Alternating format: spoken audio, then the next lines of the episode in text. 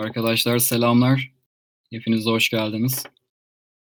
Onlar Bugün 12 Aralık 2020. Aradan iki hafta geçti.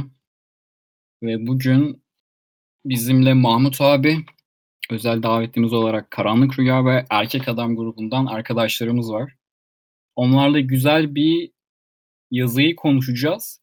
20'lerindeki erkekler güç yolunda imparatorluğun 10 yılı.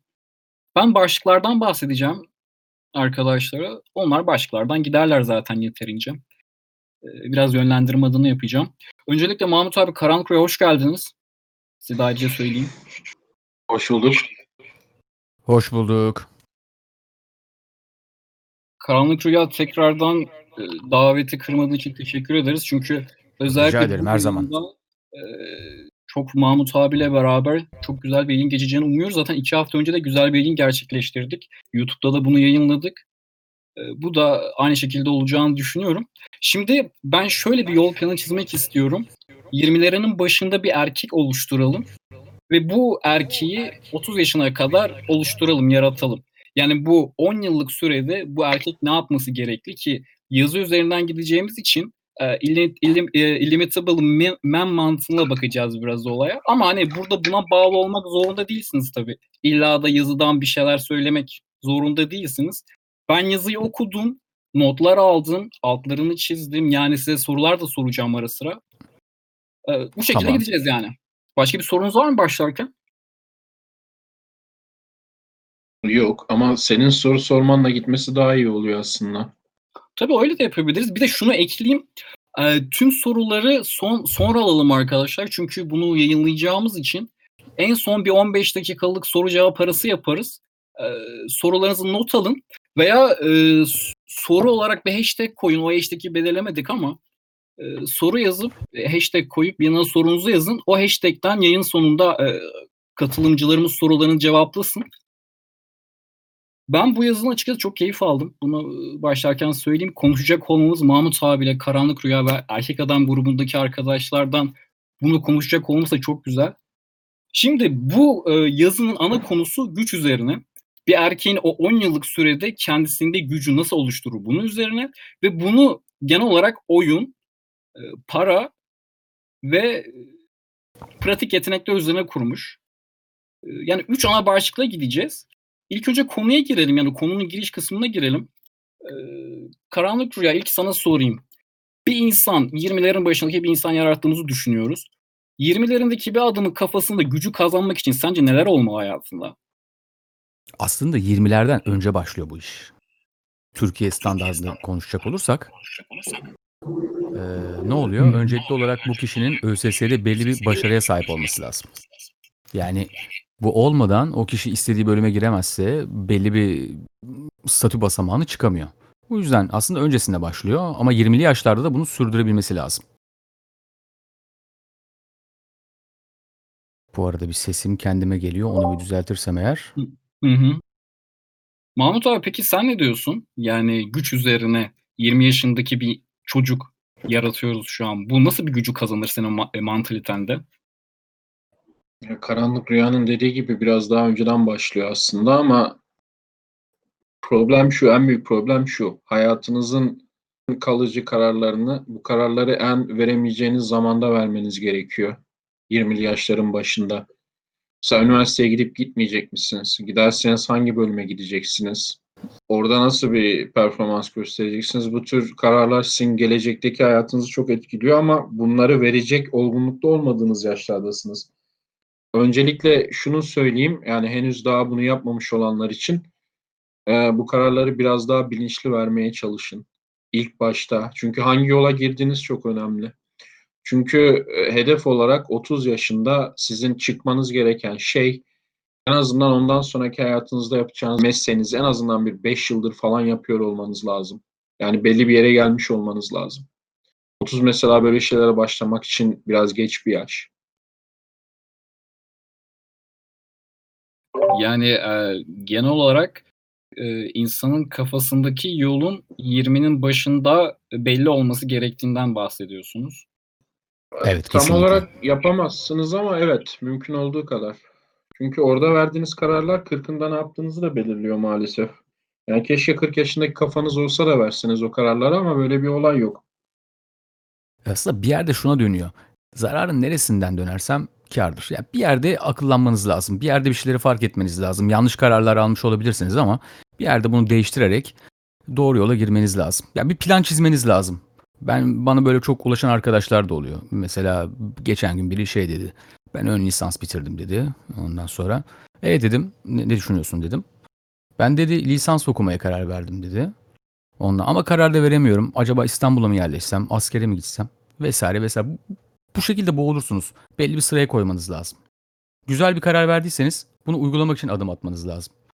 Yani bir yerde e, herkesin hayatı değişebilir. Herkes doğru yolu doğru yola sapabilir ya da hayallerini gerçekleştirebilir ama karar vermezseniz ya da seneye bakarız, yarın bakarız, haftaya bakarız gibi düşünürseniz bu işin sonu gelmiyor.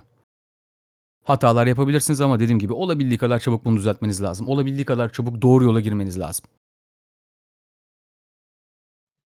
Özellikle genç yaşlarda çok etkili oluyor. Ben öyleydim mesela 18-22 yaş arasında. Aman daha çok vakit var. Erkenden mezun olsak ne olacak falan modundaydım. Yani Caner'de bir tweet attım pek fazla insanın hoşuna gitmedi. Üniversiteye özellikle üniversiteye gidiyorsanız üniversiteye yaz kampı gibi davranmayın. Şu derslerinize girin geçin diye ama bu şey anlaşıldı. Hani üniversitede tamamen çalışın hiç eğlenmeyin olarak anlaşıldı. Yani tamam gençlik zamanı eğlenmek için de iyi bir ortam özellikle iyi bir üniversiteye gidiyorsanız fakat mümkün olduğu kadar o işi 4 senede bitirmeye bakın eğer 4 yıllık bir okulsa uzatmayın. İyi bir şekilde bitirmeye çalışın elinizden geldiğince. Genelde çünkü insanların ilk 25 yaşına kadar pek fazla hani daha çok zaman var. Çok fazla takmayın falan moduna giren çok insan var.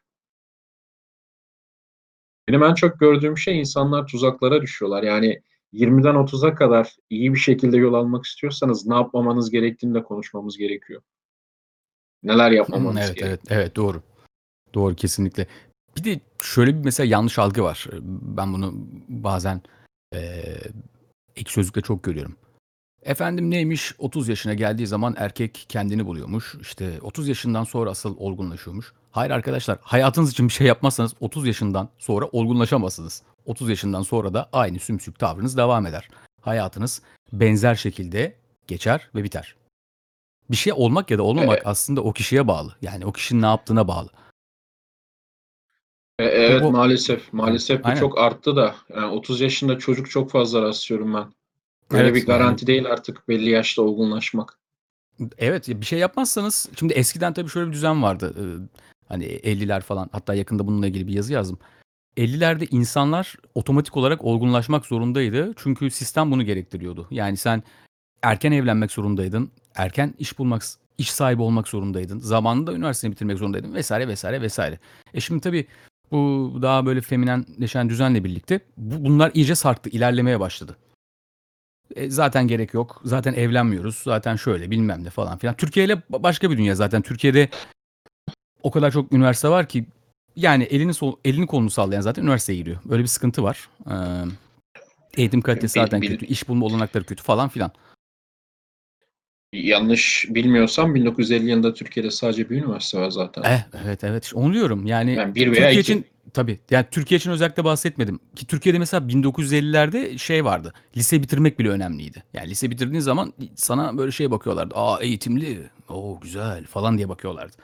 Üniversite ekmek daha zor, lüks, çok üst seviye bir şeydi. Şimdi tabii- herkesin Hı hı. hı. ben devam et abi ben. Sen bitir de. Ya yok yok e, çok kısa bir şey ekleyeceğim. Yani dünya e, skalasından bahsettim. Hani 1950'lerde böyle bir şey vardı. Erkenden olgunlaşma falan filan vesaire vardı. Tabii şimdi öyle bir şey de yok. Yani e, şöyle söyleyeyim. Daha rahat koşullar altında yaşıyoruz ama daha kötü kararlar veriyoruz. Öyle bir durum var. Zor koşullar insanı olgun, olgunlaştırır işte. O zor koşullar yok.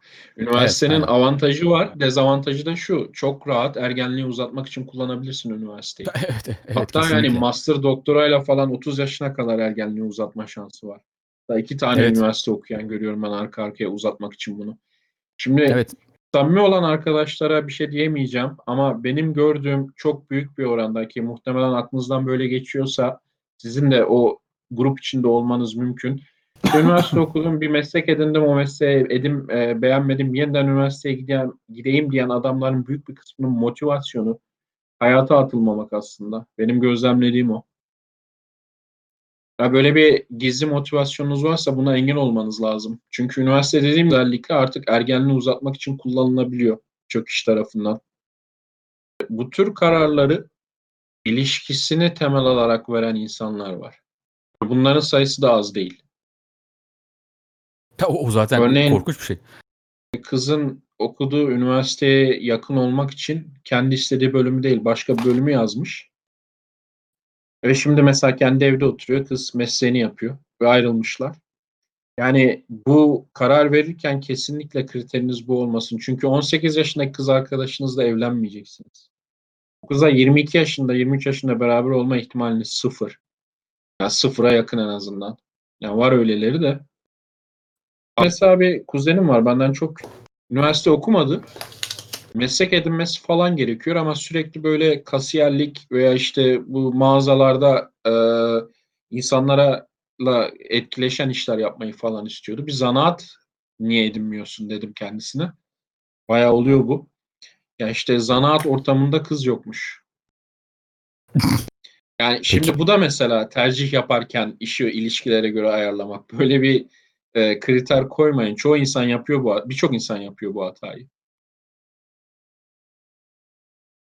Bu arada istatistiksel olarak e, 18 yaşından önce evlenen, ya ilişki başlayan daha doğrusu, ilişkisi başlayan ve sonrasında evlenen insanların yarısına yakını boşanıyor. Böyle bir istatistik var. Bu yüzden gerçekten 18-22 yaşındaki kişi sizin eşiniz olmayacak. Olsa da boşanacaksınız. En azından o şanslı azınlıkta değilseniz. Onu söyleyebilirim rahatlıkla. O yüzden kadına göre kesinlikle yani o dönemki kız arkadaşınıza göre tercihler yapmayın. Hele ki geleceğinizi ilgilendiren bu kadar önemli bir konuda e, birinin ya da biri yüzünden böyle bir hareket yapmak çok büyük hata.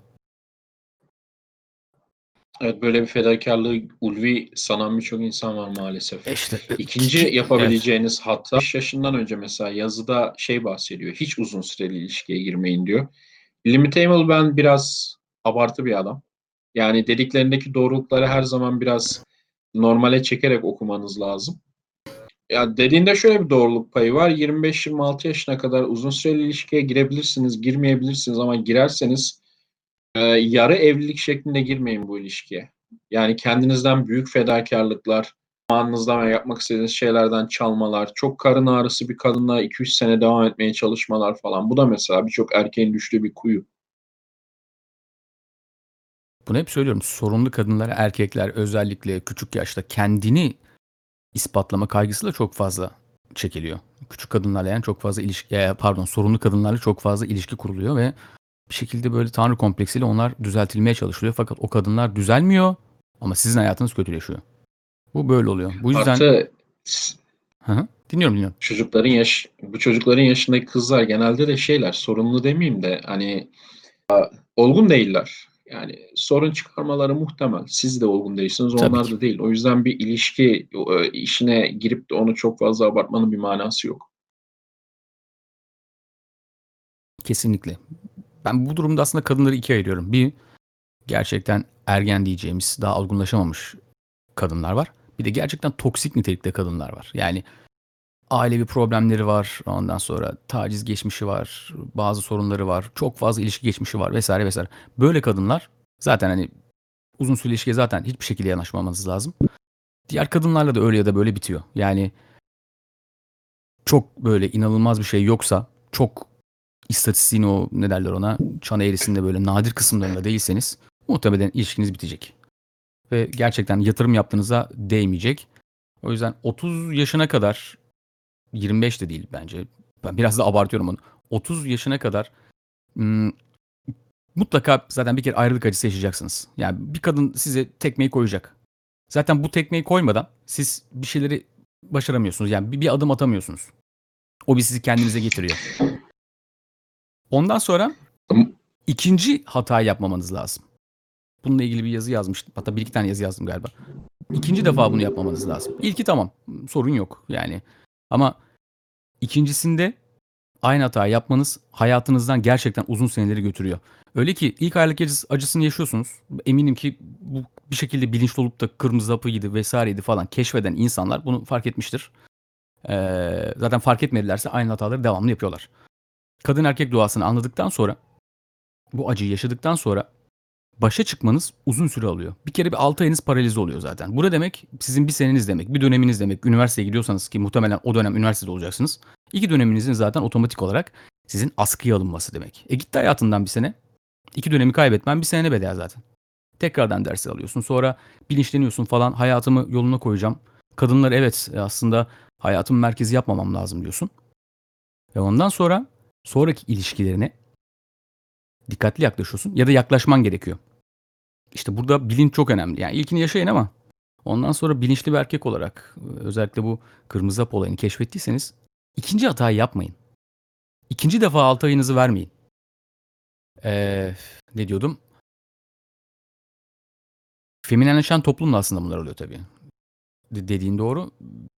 Erkek öyle bir dünyada yetişmiş ki kadınla erkeğin tamamen ilişki içinde eşit olacağına inanıyor vesaire vesaire. Karanlık Sonunda- Rüya sen 30'un üstündeydin değil mi yaş olarak? Evet evet evet evet. Resmen bazı adamlar bana mesaj atıyorlar. Acaba kadın mı attı diye okumam gerekiyor yeniden. Ha tamam yukarıda kız demiş Ya, evet. diyorum. evet. Evet yani Yani e, tabii sosyal medya çok var. ilişki öncelikliği var. Evet e, sosyal medya.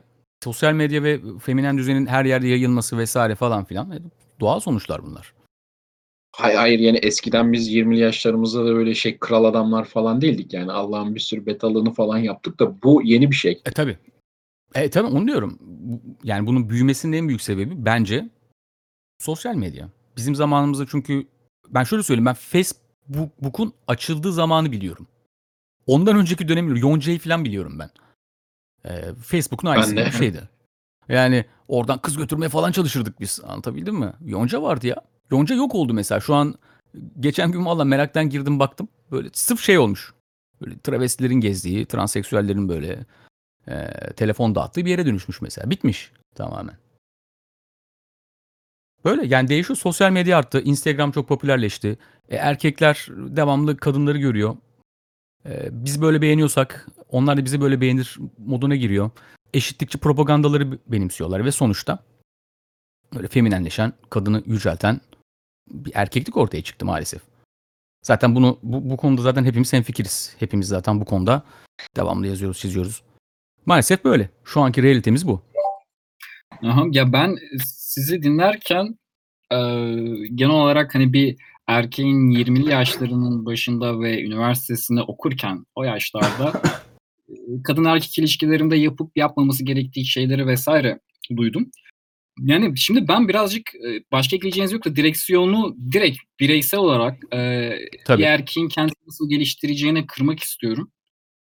E, çünkü genel olarak girişi açıkladınız E, ve girişteki e, altını çizdiğim bir yerde kadınların aksine genç bir erkek 20'lerinin sosyal pazardaki pozisyonunu arttırmak için ne gerekiyorsa onu yapmak için uğraşmalı diyor. Ve Evet, bunu kesinlikle. dört, dört adımda biz inceleyelim o zaman. İlk önce oyunla başlayalım. Oyunda alt başlıklar olarak makyavelizm, ince, ince zeka, cazibe, mizah var. Genel olarak bir insan oyunu nasıl arttırılır 20'lerinde? 30'a kadar gidiyoruz e, tabiri caizse. Bunları size bırakayım. E, yazıya bakmak isteyen arkadaşlar zaten bakarlar. Oyunu nasıl geliştirebilir 20'lerindeki bir erkek? Belki ortalarına da yelken açmış da olabilir tabii. Sen başla istersen başlayayım? Karanlık. Ha tabii. e, Evet. tabii. Ya ben şöyle söyleyeyim. Bu yaşlarda özellikle öncelik sırasına baktığımızda ben aslında e, o erkeğin vücuduna daha fazla yönelmesini öneriyorum.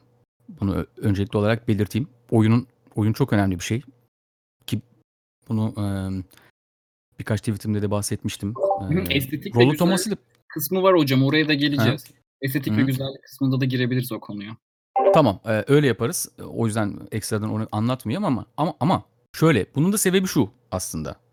Eee önceliği buna vermemiz sebebi erkeğin 20-30 yaş arasındaki testosteron oranı çok yüksek ve bu yüzden çok rahat vücut yapabiliyorsunuz. En önemli sebebi bu. Burada kısa kesim, oyuna geçeyim yine. Oyun oyun temel olarak aslında feminenleşen toplumda kadın psikolojisini tam olarak anlamakla ilgili. Yani kadın erkek ilişkilerinde ne oluyor? Erkek kadına nasıl yaklaşması lazım? Kadının tam olarak beklentisi ne? Bunları doğru anlamak lazım. Çünkü e, bize öğretilen bütün erkeklik adına anlatılan ya da şeylerin hepsi yanlış. Öyle söyleyeyim. Kadını yüceleştirmekten tutun. İşte bir kadın elde etmek için ona işte yatırım yapmanız gerekir düşüncesinden. Efendime söyleyeyim. Kadınların etkilendiğini sandığı şeylere kadar her şey yanlış. O yüzden öncelikli olarak kadın psikolojisini kadına kadının nelerden etkilendiğini doğru anlamak gerekiyor. Burada hemen karşı tarafa vereyim sözü. Tamam ben biraz daha geniş alacağım. Ee, arkadaşlar aslına bakarsanız oyun diye bildiğimiz şey bildiğiniz oyun. Hani oyun deyince eskiden kırmızı okumadan önce aklınıza ne geliyordu? Arkadaşlarla oyun oynamak değil mi? Futbol oynamak, maç oynamak daha küçükken yaptığınız şeyler. Oyun aslında tam olarak bu. Ee, oyun şu demek, daha böyle korunaklı bir ortamda e, bazı şeyleri test etmek ve ondan sonra bunları e, insan ilişkilerinde kullanmak demek. Şimdi sizin oyun oynarken yaptığınız şey kurallar çerçevesinde e, hem rekabet edip hem de işbirliği yapmak. Bunu öğreniyorsunuz aslında. Oyun nasıl geliştirilir? Yani başka oyunlar nasıl geliştirilir? Sürekli oynayarak. O yüzden birinci olarak yapmanız gereken şey oyunu sürekli oynamanız, piyasada olmanız, kendinizi içe kapatmamanız. Yani bilgisayar oyunu oynayarak oyun öğrenemezsiniz. Şimdi yazıda bakarsanız oyunu çok genel almış. Sadece cinsel oyun değil, insan arasındaki sosyal oyunları falan da içeren bir şekilde almış. Şimdi birincisi yani Machiavellizm diyor burada. Bunu bu şekilde değil de ben daha doğrusu oyunun bir amacı ve bir kurallar bütünü içinde oynanması taraftarıyım. Yani hangi oyunun içinde olduğunuzu bilmeniz gerekiyor. Örneğin iş yerinde, okulda yaptığınız bir projede nasıl bir oyun var, kimler oyuncu?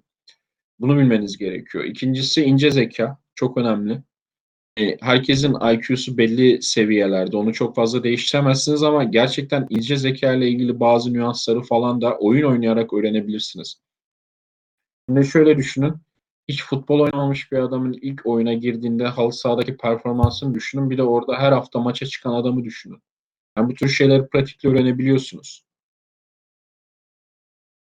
Cazibe önemli. Sadece cinsel anlamda değil. Örneğin gerçek iş yaşamında olsun ya da girdiğiniz herhangi bir kulüp ortamında olsun e, cazibeli bir adam olmanız çok işinize yarar. İnsanlar genellikle cazibeli insanlara daha fazla pozitif şeyler verir, daha fazla yol açarlar.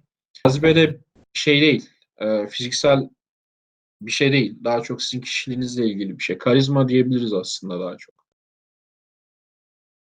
Ve hayattaki her oyunda özellikle karşı tarafa yansıttığınız ilk personanız, ilk maskeniz mizah olsa çok iyi olur. Mizah çünkü zeka ile alakalı bir şey. Aynı zamanda sizin duygusal olarak kontrol içinde olduğunuzu gösteren bir şey. O yüzden bütün bunları mesela oyun içinde geliştirmeye çalışın. Kadın erkek ilişkilerinde oyun oynarken test geldiğinde neyle karşılık verin diyoruz? Mizahla karşılık verin diyoruz. Aynı şey mesela biri bir iş yerinde size karşı bir şey yapmaya çalıştığında veya sizinle ilgili bir sorun çıkarmaya başladığında ilk başlayacağınız şey yine mizah olsun. Çok çok güzel bir yere e, parmak bastın. İş yerinde arkadaşlar ya da çevrenizde böyle birileri size saldırdığı zaman onlarla mücadele etmenin çok kolay yolları vardır genellikle. Ve buradaki yapılmayacak tek şey karşı saldırıdır. Örneğin e, biri size şunu dediği zaman ya işte ben printer'ı kullanmak istiyorum dedi mesela en basitinden. Sen şöyle diye, diyemezsin. Dememelisin ya da. İşte e, sen de zaten çok bencilsin, devamlı printer kullanmak istiyorsun, benim alanıma tecavüz ediyorsun falan filan. Bu tabii çok abartı oldu ama bu tarz kişiliğe yönelik saldırılar iş dünyasında da kişisel ilişkilerinizde de hep zarar verilir. Karşı tarafın asla egosuna, kişiliğine saldırmamalısınız. Bunu yaptığınız anda haklı bile olsanız karşı taraf size tepki gösterir. Aslında burada işte oyun devreye giriyor. Yani siz burada eee, o hatalı bile olsa o hatalı bile olsa bunu egosuna yansıtmadan paylaşımcı bir e, haklılıkla ya da ona da hak vererek çözebilirsiniz. Her zaman şöyle başlayın. Evet sen de haklısın ama bu ilk cümleniz olsun her zaman. Sen de haklısın ama şimdi benim şöyle bir aciliyetim var. Acaba önce ben çıktı alsam olur mu? Bunun gibi yaklaşabilirsiniz. Ben yapacağım, benim ihtiyacım var, sen kimsin falan. Bu tarz etkileşimler ya da önce ben geldim falan. Bunlar hepsi yanlış arkadaşlar. Çünkü o an o an o insan da aslında onu demek istemiyor olabilir. O insan da sinirli olabilir ama siz böyle üzerine gelirseniz işler işin içinden çıkılmaz hale gelir. Bu iş dünyasıyla ilgili söyleyeceğim önemli bir şeydi. Bir de oyunu gerçekten genelleştirirsek iş dünyasında daha makyavel yaklaşmanız daha mantıklı. İlişkilerde değil de. Çünkü ilişkilerde eee, iki kişi var ama iş dünyasında birçok kişi var. Yani bir hiyerarşi var. Orada toplumsal bir hiyerarşi var.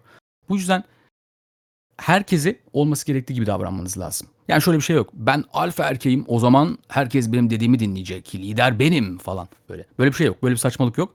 Ne yapacaksınız? Herkese davranmanız gerektiği gibi hep orta yolu davranacaksınız. Yani belli bir e, görüşünüz olsa bile bunu çok sert, çok sert şekilde ifade etmeyeceksiniz. Asla siyahınız ve beyazınız, beyazınız olmayacak. Hep gri renklerde ulaşacaksınız. Siyah yakın gri ya da beyaza yakın gri. Hep ortalarda. Herkese mesafeli. Ondan sonra ve dediğim gibi kişisel meseleleri meseleleri öne sürmeden yaklaşmanız lazım. Çünkü kişisel meseleleri öne sürerseniz kutuplaşmalar olur. Ya müdürünüzle kutuplaşırsınız ya iş arkadaşınızla kutuplaşırsınız. Bu olmasın. İş dünyasında yapacağınız en büyük hata bu. Ee, iliş... ha, bu arada e, bir şey söyledik. Karizma ile ilgili haklı biliyorsunuz hal etkisi denilen bir olay var. Sanırım neydi tarihini vermiştim bir yazımda. Ee, bunu bulan bir psikolog var. 18. yüzyıl, 19. yüzyılda mıydı? Tam hatırlayamadım şu an tarihini.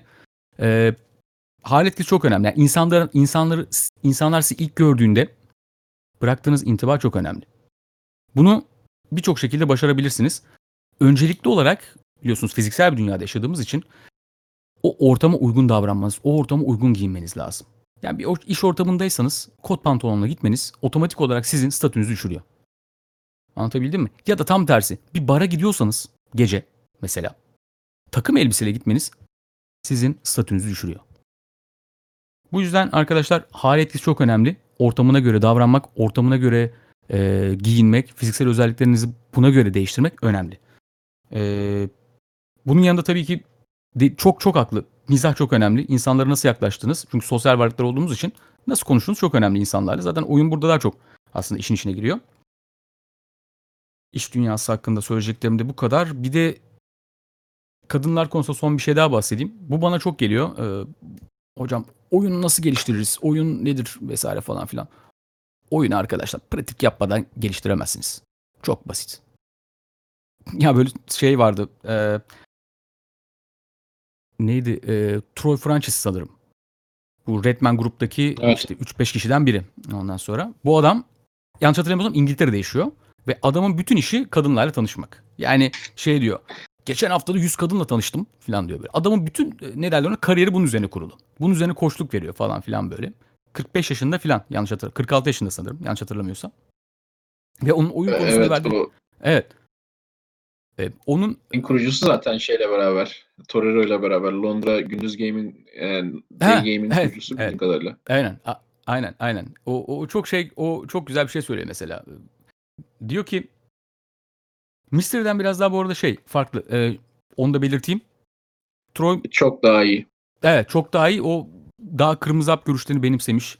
Kadını e, yüceleştiremeyen, yüceleştirmeyen biri. E, Mystery tam tersi. Onun o hep şeye inanıyor. Özel bir kadın var.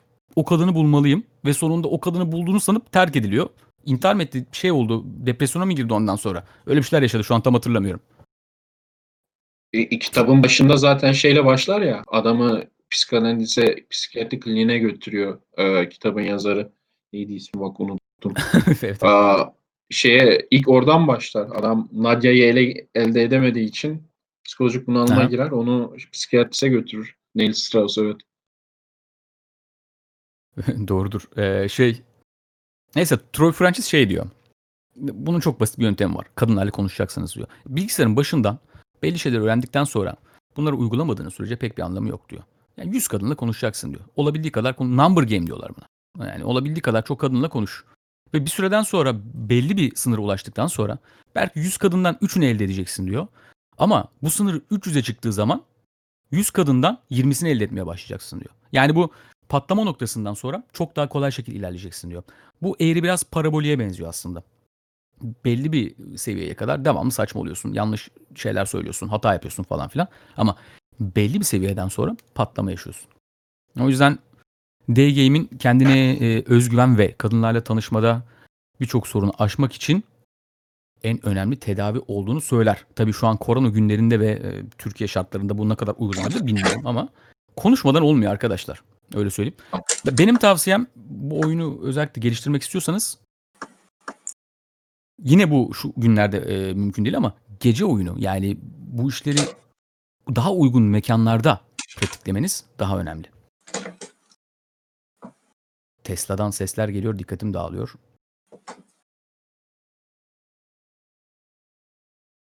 Özellikle Benim oyunla e, ilgili ekleyeceğim Hı hı. bir şey daha var.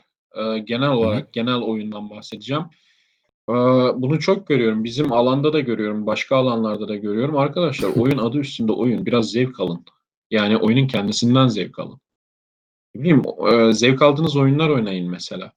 Atıyorum üniversiteye gidiyor adam. Ben bunu çok görüyorum. Konuştuğum çocuklarda fark ettim özellikle. Çünkü soruyorum bu soruyu. Çoğunun hiçbir kulüp üyeliği falan yok mesela.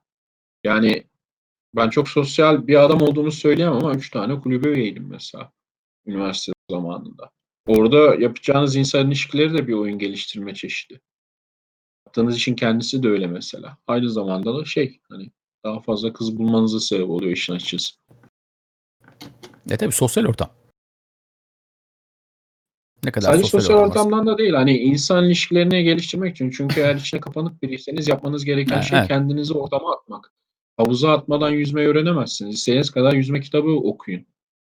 Ama genellikle bu konuda ben mesela Freud'un dediği gibi Puk da aynı şeyi söylüyor kitapta. Mesela şey diyor. "E, Gidin uygulayın, hata yapın, ondan sonra gelin okuyun ne hata yaptınız. Yani oturup saatlerce okumayın. Evet çok man. Yani önce e, hata yapın, sonra okuyun. Önce okuyup sonra çıkmayın. Bu arada e, ilgili olarak Strauss'un ikinci kitabında da benzer bir şey vardır. 50 birkaç hafta var tam hatırlamıyorum 15 oyun mu var 20 oyun mu var neyse şey diyor lütfen diyor birinci kısmı bitirip uygulamadan ikinci kısmı okumayın diyor mesela. Kitapta böyle bir şey var. İlk kısmı oku diyor uygula diyor görev veriyor sana. Diyor ki mesela 3 kızla gidip telefon alacaksın diyor mesela. Bunu uygulamadan diyor ondan sonra ikincisini ikinci kısmı okumayın diyor. Ben okumuştum ayrı da e, böyle bir yaklaşımı var. Bilginiz olsun. Aynen gördüm oyunun kuralları 30 gün evet. Yani sonuç olarak hangi oyuna gireceğinizi bilmiyorum ama o gi- gireceğiniz oyunun bazı kuralları var. O oyun hem rekabet hem de işbirliği üzerine kurulu. Sadece biri üzerine değil. Ve o oyunu oynayan insanlar var orada. Size öğretebilecek ve sizinle oynayabilecek. Ee, sizin yapmanız gereken şey oyuna girmek. Yani kenardan izleyerek futbolu öğrenebilirsin. Bütün kurallarını öğrenebilirsin. Ama oynaman lazım. Yani oynayabilmek için, gol atabilmek için. Kenardan gol atamıyorsun maalesef. Düşünce gücüyle. Bunu Abi, pratikte de o- çok e, Ha? Kestim lafını Freddy devam et. Hı hı. Yani burada ekleyeceğim bir şey varsa hocam e, ekleyebilirsin. Yoksa diğer aşamaya geçelim diye Bir şey daha ekleyeceğim ben Freddy. Ha, tabii. Böyle çok duyuyorum mizah nasıl geliştirilir diye. İnce zeka ve mizah. İkincisi okumak mesela geliştiriyor. Kurgu okumak mesela. Sadece böyle kişisel gelişimlerle falan kalmayın. Kurgu okumak gerçekten insanın söz söyleyebilme, bir yerde lafı yerine koyabilmesini falan geliştiriyor. İkincisi İngilizce öğrenin. Çünkü mesela benim sitede yazdığım bazı şeyleri bunlar nereden aklına geliyor, nasıl geliştirdim falan diye soruyorlar. İngilizce öğrendiğiniz zaman İngilizce bu sitcom gibi şeyleri falan izliyor, izleyen bir adamsanız onlar geliştiriyor böyle şeyleri. Yani Türkçe'de yok bu mizah anlayışı mesela çok fazla maalesef. Yani var bir iki insandan geliyor da e, o yüzden mesela İngilizce öğrenmeye bakın ve böyle şeyleri geliştirebilirsiniz. Mizahın sen ne dersin buna bilmiyorum karanlık rüya. Ben şöyle bir şey de Aha. söyleyeceğim. Mizah olması için sizde duygusal güç olması lazım. E, e tabii. Yani Ya- alın Önce duygusal gücü geliştirmek gerekiyor bir miktar. işte bu yüzden aslında Alıngan birkaç bir defa adam mizah yapamaz. evet evet kesinlikle bu yüzden reddedilmeniz lazım işte. Yani reddedilmeden o psikoloji üzerinizden atmadan e, özgüveninizi bu sarsmadan bir şekilde espritüel, böyle mizah sahibi bir insan olamazsın. Hemen alınırsın. Kadın sana bir şey söyler mesela. Ondan sonra konuşma benimleler bir şeyler. Öyle kalırsın bir şey söyleyemezsin. Demin de bununla ilgili aslında tam örnek verecektim. Benim böyle bir arkadaşım var. Ee, bazen gece çıktığımız yani geçmişte çıktığımız bir şeyler yaptığımız falan filan. Mesela onda çok gözlemliyordum. 50 kere benden mesela onay almaya çalışıyor. Ya konuşsam mı bilmem. Ya konuş diyorum git bir şey merhaba. Ya şimdi beni beğenmez. Ondan sonra bir şey söyler ben sinirlenirim. Canım sıkılır bütün gece moralim bozulur. Ya diyordum ki tamam bu gece moralim bozulur. Ertesi gün denersin yine moralim bozulur. Ama üçüncü gün moralim bozulmaz. Keyfini kaçırmaz. Gelir bana anlatırsın. Abi bak bu da beni, beni işte böyle şey yaptı. Ne derler? Beni böyle eledi. Bana böyle siktir çekti diye şey yaparsın. Bana anlatırsın birlikte güleriz. Ama dördüncü sefer o kadını alırsın. O yüzden pratik olmadan, reddedilmeden, özgüveninizle e, mücadele etmeyi öğrenmeden bu işler olmuyor. Ya işin içinde biri olarak söylüyorum bunu. Ya bu bunu yaşamış bir insan olarak söylüyorum.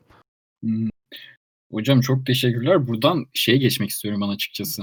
Ee, Tamamdır.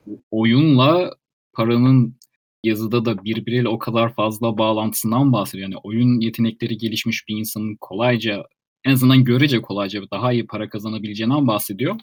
Buradan arkadaşlarımızın da bence merakla beklediği Türkiye şartlarında sizin deneyimlediklerinizde kendi sektörünüzde olabilir, gördükleriniz olabilir.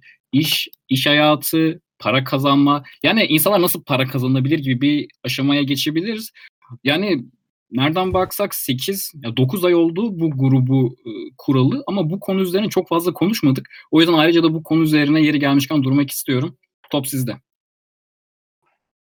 Parayla ilgili ayrıyeten bir şey yapacaktık da bir türlü yapamadık onu. Olur ayrıca Şimdi yine arkadaş, Ya çok basit bir şey söyleyeyim. arkadaşlar. Heh, sen Evet. söyle. Çok çok kısa bir şey söyleyip lafı bırakacağım. Para arkadaşlar kazanılmaz. Yani şu- yanlış oldu şöyle söyleyeyim. Para çalışılarak kazanılmaz. Parayı parayla kazanırsınız. Yani belli bir miktar biriktirdikten sonra bununla paranızı yükseltmeniz lazım. Bununla birlikte para miktarınızı arttırmanız lazım. Bu da neyle olur? Ticaretle olur. Ondan sonra borsayla olur anlıyorsanız. Ya da yatırımla olur. Bunları yapamıyorsanız sadece 9-5 işe giderek ve buradan kazandığınız maaşla hiçbir şey yapamazsınız arkadaşlar. Yani parasal güce ulaşamazsınız. Bunu çok rahat söyleyebilirim. O para bir şekilde gider harcanır. Parayı biriktirmeniz lazım. Öncelikli olarak para kesinlikle biriktirilmeli. İkinci olarak bu parayı doğru şekilde yatırımla e, arttırmanız lazım. Ve ondan sonra dediğim gibi ekonomik bir güce sahip olabilirsiniz. Evet, e, bu konuda özet olarak söyleyeceklerim bu kadar. Şimdi benim ilk söyleyeceğim şey Türkiye'de çok yaygın bir kafa var. İnsanlar para kazanmaya düşmanlar. Farkında olmasalar bile. Öncelikle para kazanmaktan korkmayın. Para kazanmaya da düşman olmayın. Para kazanmaya düşman olup olmadığınızı nasıl anlarsınız? Hani parası olan, para kazanan adamlarla ilgili çalmıştır, çırpmıştır, şu yapmıştır, bu yapmıştır. Ee, ilk böyle tepkiniz ise görür görmez para kazanmaya düşmansınız demektir. O insanın para kazanabilen insanlara düşmanlığı aslında para kazanma kazanamayacağını düşündüğünden gelir. İlk başta yapmanız gereken para kazanmaktan korkmayın. Ee, para kazanmaya çalışın. Ayıp değil ve para kazanmak iyi bir şey. Ne kadar çok kazanırsanız o kadar iyi. Tamam hani belli bir süreden so- şeyden sonra marjinal artıyor. Ee, tüm faturalarınızı ödedikten iyi bir rahat hayat sağladıktan sonra üstüne kazandığınızın çok çok fazla bir önemi olmayabilir eğer öyle düşünüyorsanız. Ee, ikinci se- söyleyeceğim şey de ya orada Illimitable Ben'e katılıyorum. Eğer hayatınızın geri kalanında mesela herhangi bir eğitim falan almayı planlıyorsanız o eğitimin size ekstra para getirmesi lazım. Yani eğer üniversiteye gidince 4 sene sonra üniversiteyi bitirdiğiniz zaman gitmesenizden yüzde yüzden fazla para kazanacağınızı düşünmüyorsanız mesela üniversiteye gitme şeyinizi sorgulayın. Tamam Türkiye'de ve dünyada şu an üniversiteye gitmek sadece parayla ilgili bir şey değil. Sınıfla ilgili bir şey olmaya Statü. başladı. Belli bir statü sağlıyor. O önemli evet. Ama onu da kafanızda paraya çevirin. Çoğunuz bu tercihleri yapma aşamasını geçti ama bir meslek seçerken, bir bölüm seçerken arzına ve talebine bakın. Örneğin yani Türkiye'de e, atıyorum öğretmenliğin e, maaş olarak görece düşük olmasının sebeplerinden biri çok fazla öğretmen arzı var. Yani bu tür şeylere bakmanız gerekiyor. Siz kimse talep ediyor mu? Yani tamam çok seviyorsunuz diye gidip felsefe okuyabilirsiniz de çıkınca ne yapacaksınız? Ee, Felsefe para felsefe kazanmaya daha olarak. müsait bir Evet. Evet okuyun hobi olarak yine okuyun diyeceğim de yine 4 sene gidiyor. Sosyal bilim falan bile okuyorsanız bir dışarıda ne yapacak ona bir bakın. Çok önemli bir karar. Şimdi oyunla paranın ilişkisi şu. Şu an pek fark etmeyebilirsiniz. Herkes çünkü sizin seviyenizde 20'li yaşların başında ve kimsenin herhangi bir değeri yok. Fakat 30'larına falan geldiğiniz zaman öyle olmayacak. Bazı adamlar çok yukarıda olacak, bazı adamlar aşağıda olacak. Fakat belli bir çevreniz olduğu zaman oyunu 20'lerde iyi okur, e, oynarsanız yani iyi bir network kurarsanız, içine kapanmak yerine değişik insanlar tanışırsa, tanışırsanız, bir konuşma yeteneği edinirseniz, bir yazma yeteneği edinirseniz, şöyle eli yüzü düzgün cazibesi olan bir adam olursanız bu network inanılmaz kapılar açıyor size. Sitede var. Alaylı yazılımcı diye bir yazı var. İlk girdiğim işte iyi ilişkiler kurduğum Hollandalı bir adam. Ee, Hollanda'ya gittikten sonra İstanbul'dan iki sene sonra e, beni arayıp beni Tayland'a gönderdi. Bu işi sen yaparsın diye. Yani network'e biraz aşırı bir örnek ama düşünün yani iyi bir ilişki kurmak güçlü bir yerdeki bir insanla sadece bir ilişki mesela nelere yol açabiliyor. Ben yalnız karanlık rüya sana orada katılmıyorum. Çalışarak para kazanılır. Ee, iyi de para kazanabilirsiniz. Ama belli bir Hı hı. seviyenin üstünde para kazanmak istiyorsanız tabii girişimcilik veya yatırım yapmanız gerekiyor. Ama şu da var hani iyi bir işte çalışırsanız Türkiye'de veya yurt dışında yükselirseniz hani maaşla çalışan benim birçok arkadaşım var. Şu an hani şeyler e, bilmem nerenin genel müdürler ülkelerde falan iyi para alıyorlar. Yani oradan da bir yerlere çıkmanız mümkün. Yok çıkarsın. O statüyle ilgili bir şey. Ben tamamıyla e, parasal güçten bahsediyorum. Gerçekten ciddi bir Yok, ekonomik... parasal olarak da iyi kazanıyorlar. Yani şu an Yok benim onu- tanıdığım tamam. o- 30 bin dolar ayda kazanan adamlar var. İyi para mesela. Çok kötü değil. Tamam. Ona bir şey demiyorum. Ama o adam belki borsada oynuyor. Yani ticarette de ilgileniyor. Yatırım da yapıyor. Onu bilmiyoruz. Ama kenardan bir şekilde Anladım. paradan para kazanmak mümkün. e, yapılması gereken bir şey. Yani yatırım yapman gerekiyor. Yani maaşının işte onu %10'unu biriktirmek gibi bir alışkanlık olması lazım mesela en az. Bunu bu- şu yüzden öneriyorum e, arkadaşlara. Eğer ki tamamıyla maaşa endeksli yaşarsanız hayat kaliteniz değişmez. Anlatabildim mi? Yani yükselmediğiniz sürece hayat kalitenizde ciddi bir artış olmaz. Devamlı o maaşa endeksli yaşarsınız. Ev kiranız ona uygun gider. Faturalarınız ona uygun olur. Ama paradan para kazanmayı öğrenirseniz o sabit maaş bile size yeterli gelmeye başlar ve hayat standardınız artar. Dediğim gibi Ya iki tabii şey ki var. Birincisi Hı. e, paradan para kazanmak. İkincisi de girişim de mesela iyi para kazandırabilir. İkisi Öyle de. tek yolu Ben ikisini de- pasif Yok pasif diyorum. Ee, şöyle diyorum aslında ikisi de olmalı. Yani hem sabit gelirin olmalı hem de paradan para kazanmalısın. İkisi bir arada olduğu zaman işte o zaman parasal güce, ekonomik statüye sahip oluyorsun. para kazanmak istiyorsanız hayata mümkün olduğu kadar erken atılmanız lazım. Yani üniversiteye gidiyorum o üniversiteyi 6 senede bitireceğim. Askerliği uzatabilecek, uzatabildiğim kadar uzatacağım. Çünkü eskiden şeydi askere gitmediğin sürece bazı işlerde belli seviyeye yükselemiyordun. Şimdi hala öyledir birçok yerde. Yani eğer para kazanmak istiyorsanız size tavsiyem buna bir an önce başlamanız lazım. Ya o üniversiteye gidiyorsanız 4 senede bitirmeye bakın. 5 sene 6 sene olmasın. Kesinlikle katılıyorum. Eğer yapacak başka bir işiniz yoksa gidin o askerliğe. Ya öyle atla deve değil. Umarım sizin zamanınıza kalmaz yani. Ben öyle herkes askere gitsin kafasında bir adam değilim. Benimki tamamen pratik bir tavsiye. Yani keşke profesyonel orada olsa kimse gitmese ama gitmek gerekiyorken bu da ayağınıza bağ olabiliyorsa gidin. Yani para Tamam. para konusunda bence dedikleriniz çok netti.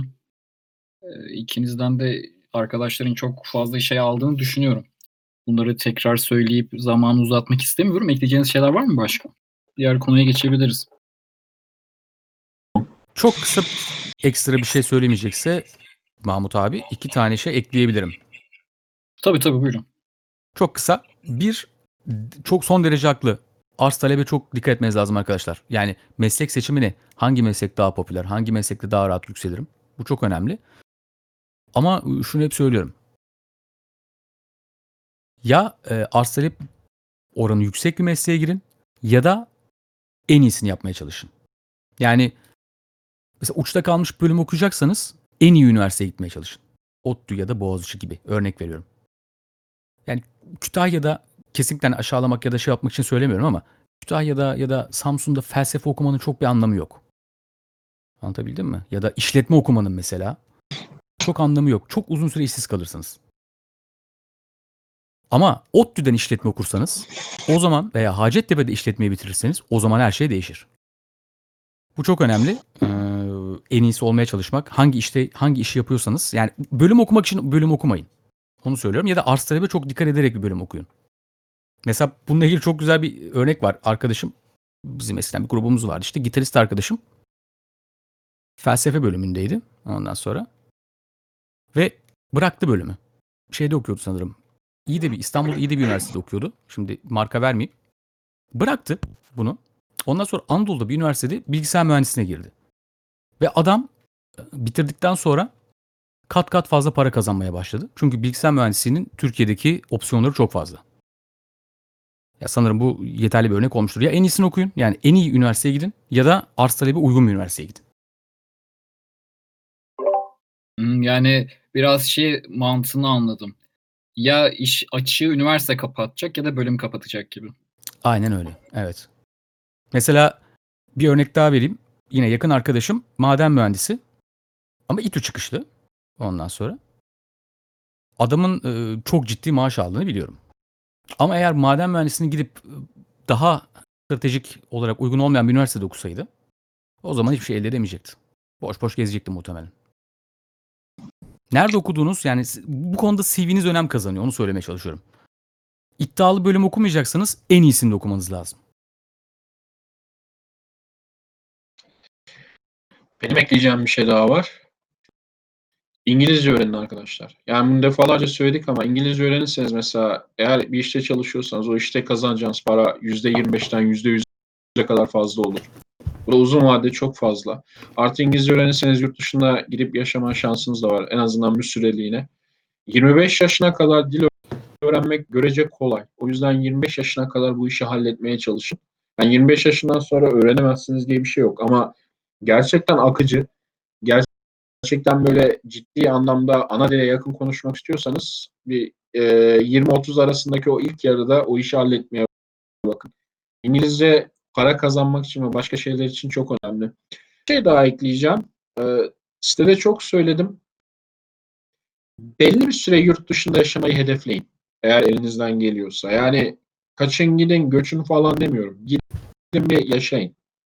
Yani bu hem size daha fazla para kazandıracak bir alternatif sunuyor hem de ufkunuzu genişletiyor. Sonuçta Türkiye dünya nüfusunun yüzde biri. Daha fazlasına açılmayı, orada biraz çalışıp para kazanmayı, hayatta kalmayı falan öğrenin. Hemen Slav kızlara bağlandı falan böyle şimdi chat'e baktım da. Slav kızlar için gitmeyin arkadaşlar başka yerlere. Ben buradan e, sonda zaten soru da soru, e, sorulacağı için hemen son iki konumuz kaldı. Güzel ilerliyoruz. Onlara da bağlayayım. Hocam sen e, başta söylemiştin biraz spor konusuna giriyordun. Şimdi o konuya geldik. Hı hı. Estetik ve güzellik kısmı. Evet. Fiziksel bir dünyada yaşa- yaşadığımız için ve bir erkeğin de görsel önemli olduğu için ve en kolay geliştireceğiniz dönem 20-30 yaş arası olduğu için hele ki 20-25 arası çok önemli. Mutlaka fiziğinize dikkat edin arkadaşlar. o yaşlarda kadınlar da fiziğe çok dikkat ediyor. Bu yüzden hatta bununla ilgili makale falan ek şeylerde yeni bir şey yayınlandı yazdım. Hmm, kesinlikle fiziğinizi ve maskülen görüntünüzü etkileyecek çalışmalar yapmanız lazım. Yani kas geliştirmeniz lazım maskülen görüntünüzü geliştirmeniz lazım. Bu hem sağlığınız için hem de kadınları etkilemeniz için çok önemli. Hatta iş dünyasında bile önemli. Maskülen görüntü her zaman, yani daha doğrusu sağlıklı görüntü her zaman karşı tarafta hal etkisi yaratır. Bu kesin. Birçok makalede ispatlanmış durumda. Ve en kolay gelişecek aralıkta 20-25 yaş arası. Yani o, o haftada 3 defa o dönem sizin hafif spor yapmanız ya da orta ağırlıklı spor yapmanız kas miktarınızı ciddi miktarda arttıracaktır. Ve daha önemlisi insanlar biliyorsunuz 40 yaşından sonra her sene %1 %1 testosteron oranı düştüğü için kas kaybına uğruyor. Sonra 60 yaşında iki büklüm kalıyorsunuz ya da inanılmaz şekilde yağ depolarınız artıyor. Bunların olmaması için en baştan iyi bir kas yapılanması yapın. İyi bir sinir sistemi dizayn edin kendinizi. Merkezi sinir sistemi, iyi bir kas yapılanması. Ondan sonrası zaten gelir. Yani ondan sonrası ondan sonra rahat edersiniz her konuda. O yüzden dikkat edin görselliğinize. Ee, Zamanınız varken işte bu sene olsun haftaya olsun diye düşünmeyin. Korona günlerinde bile hatta ağırlık alın çalışın diyorum. Veya ara veren arkadaşlara öneriyorum bunu. Ondan sonra bu yüzden önemli. Lafı bırakayım. Sözü karşı tarafa bırakayım.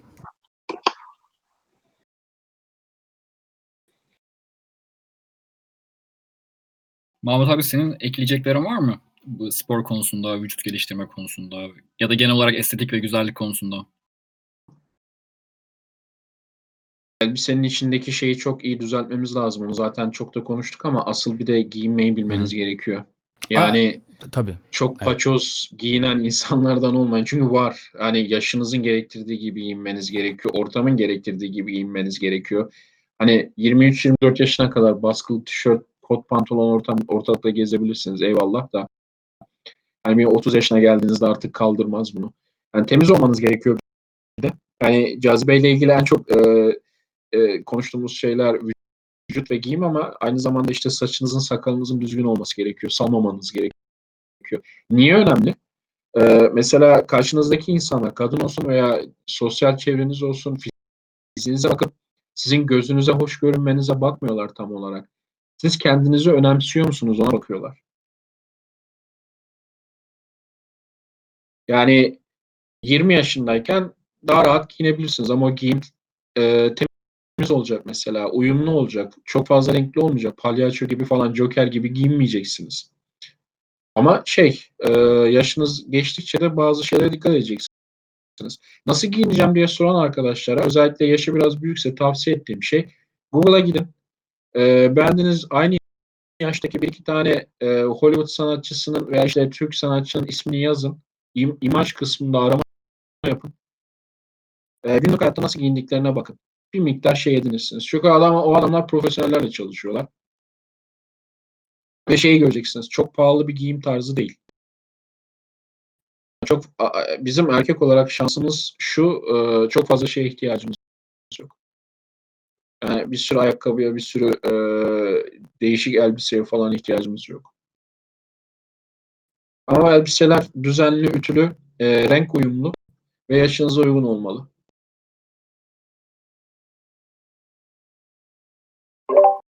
Hı hı. Evet, evet, evet katılıyorum.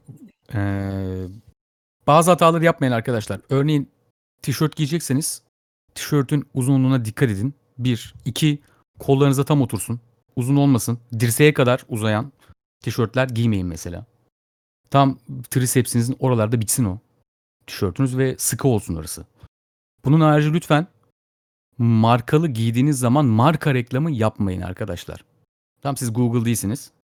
Yani kocaman mesela Gap tişörtü giymeyin. Tamam? Böyle temiz. Ufak belki marka amblem olabilir ama tamamıyla böyle afişe edilmiş. Arkası önü. Desenli. Hele ki yaşınız 25'ten büyükse. Bu tarz giyimlerden kaçın. Renk uyumu doğru. Dediğim gibi fit giyim biraz araştırın arkadaşlar Google'da fit giyim nedir ne değildir.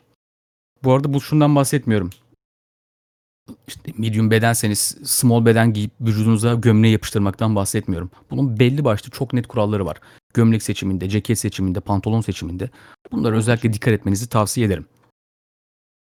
Şimdi e, genel olarak zaten bir 5 dakikada son kısma verelim ve soru kısmına geçelim. Arkadaşlar da yayınlar boyunca biriktirdikleri ama arkadaşlar özellikle yayınla ilgili olan soruları sorarsanız şu konuşacağımız kısmı konuştuktan sonra e, daha sonra dinlediğinizde faydalı olur sizin için. Ben e, son kısma geçmek istiyorum. Son kısımda genel olarak bunları toparlayan bir başlık aslında. Pratik yetenekler. Pratik yetenekler hakkında konuşacağız. Burada zaten e, disiplin, e, dans etmek, birkaç dili konuşmak, fiziksel güç gibi baş, ana başlıklara değinmiş. Son olarak neler eklersiniz hocam?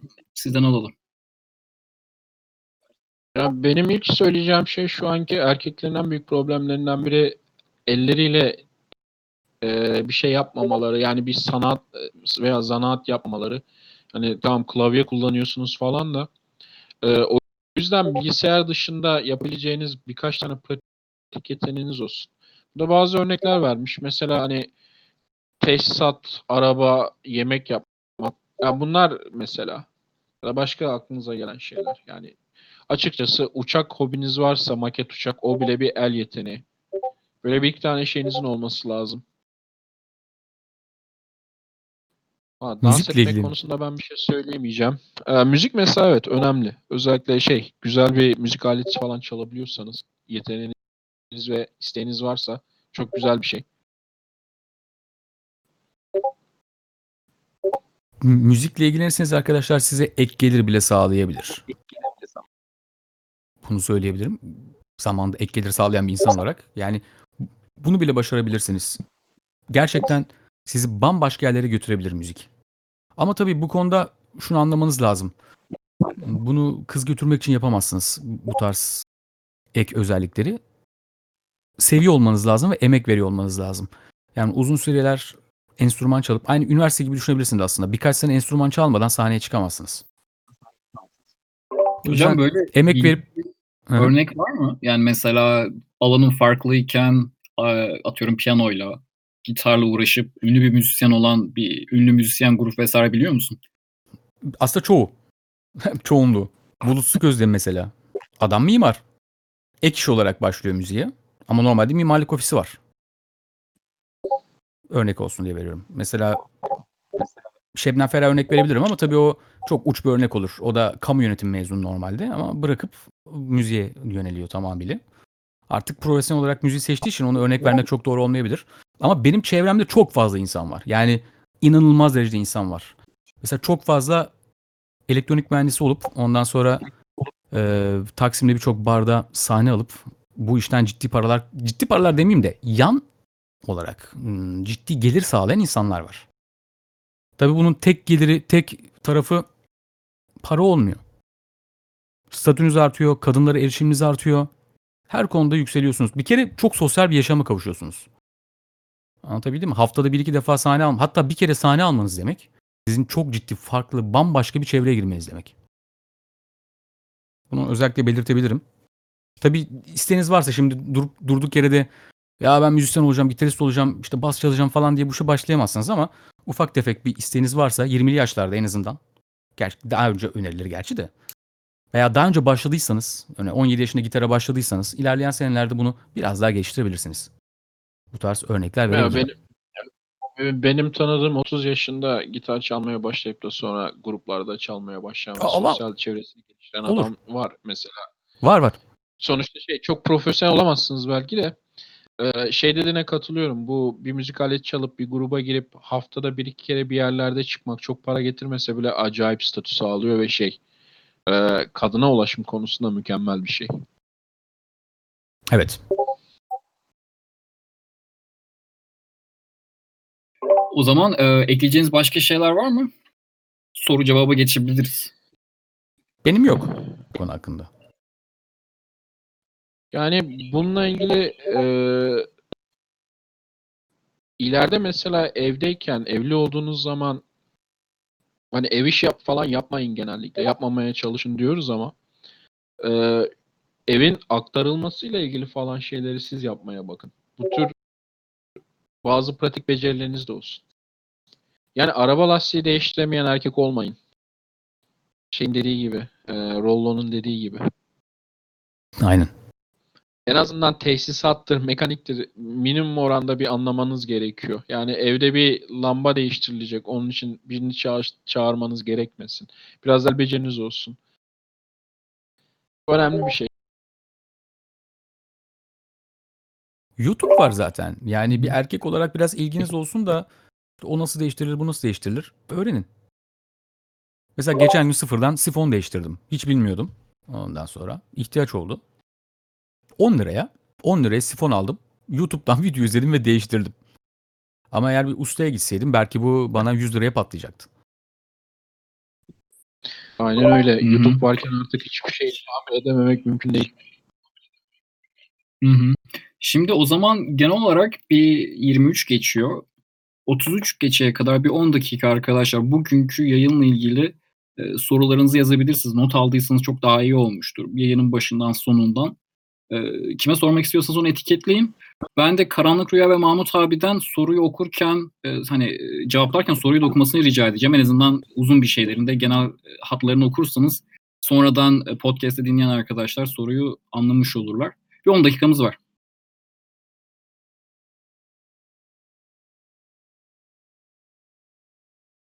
Üste bir tane so- bu, bu çok geliyor.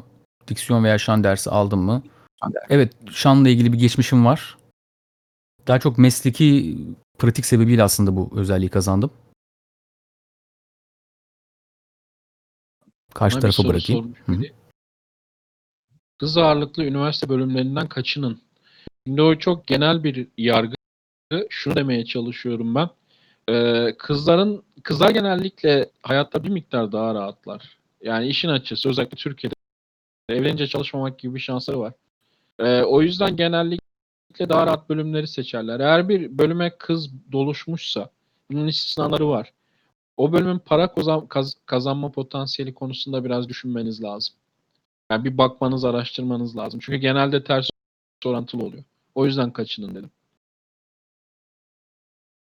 Yani mesela psikoloji okuyorsun. Tamam psikolojide %90 kız var herhalde şu an. Ama iyi bir bölüm. Var.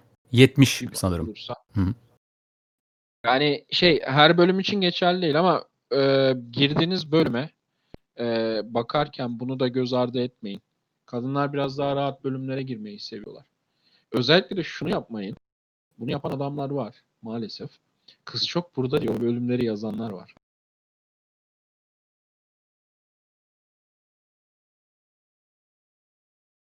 Yeni mezunlar ne yapsın? Üniversite zamanında aile parasıyla geçinmek normal midir? Normaldir bence. Hı.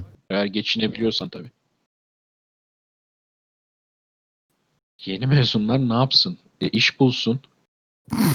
Evet. İş Ne kovalayın. yapacaksın? Bu kadar. Ya, e, şu an iş arıyor olmanız lazım.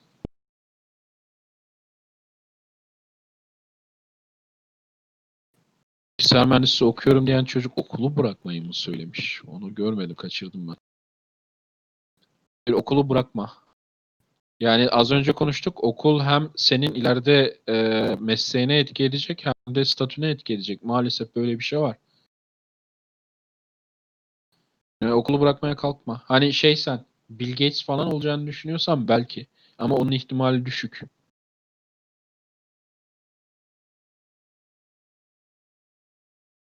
Bir soru gördüm de akademide aşırı e, sürdürülen feminizm dalgasına karşı aslında arkadaşlar böyle çok uç bir dalga yok. Bunu söyleyebilirim içeriden bir insan olarak. Yani akademik akademide bulunan kadınlar inanılmaz şekilde böyle feminizm "Aa, Allah Allah falan öyle bir durum yok arkadaşlar. İnanın daha düşük seviyelerde daha fazla bu. Ben çevremde çok fazla böyle inanılmaz böyle feminist her şeyi savunan hay erkek hakları ha- kadın hakları bilmem ne işte kadın şöyledir falan böyle insanlarla böyle insanlarla tanışmadım. Hatta çoğu oldukça geleneksel diyebilirim. İçlerinde Sen uçlar var. Türkiye'de misin? Evet, evet Türkiye'deyim. O yüzden Türkiye için özellikle konuşuyorum. Türkiye'de çok yaygın değil bu akademide hala. Evet. Ya öyle bir şey aklınıza gelmesin böyle inanılmaz bir feminizm falan filan. Böyle bir şey yok. Ama lafa gelince yani damarlarına basarsanız çıkar. Yani oturup da kadın erkek bilmem ne falan bu tip konulara girerseniz hepsi feminist. Öyle söyleyeyim. Ama davranışları böyle değil. Anlatabildim mi? Davranışları böyle değil. Eğer bir ne derler ona bir hassas noktaları varsa ortaya çıkıyor. Onun harici böyle bir durum yok.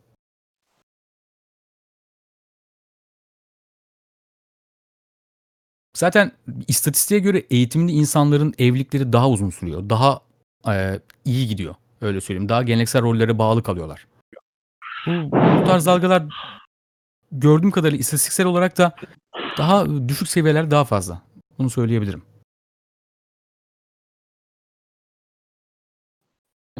Hemşirelik hakkında ne düşünüyorsunuz? Parası var ama bir erkek tarafından icra edilmeli mi?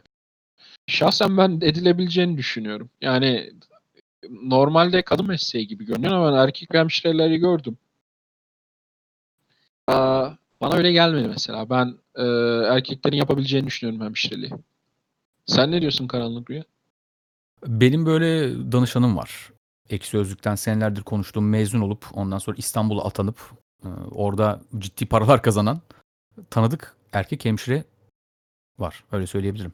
O yüzden Bana olabilir. hiç anormal gelmiyor. Yok anormal, anormal değil. Yani bir sorun yok. Olabilir. Ama tabii eğitim esnasında biraz zorluk yaşayabilirler. Bunu söyleyebilirim. Çok kadın olacak çünkü.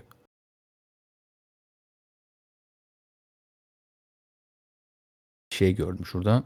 Kişinin arkadaş çevresinin çok fazla olmadığını düşünürsek dişiyle ilişki ve oyun tecrübelerini geliştirmesi ve flört için sosyal medya kullanılmalı mı? Kişinin çevresi asosyal olduğunu düşünürse ne yapılmalı? Asosyal İnsan olmamalısın. bahsediyor. evet, insan dişisi. Ee, arkadaşlar yani bu, bu işin sihirli bir formülü yok. O yok, bu yok. Yani şöyle bir şey mesela bana böyle sorular da geliyor. Abi tipim yok. Ondan sonra spor yapmıyorum. E ondan sonra oyunumu geliştirsem olur mu? Para da kazanamıyorum. Ya böyle bir şey yok arkadaşlar.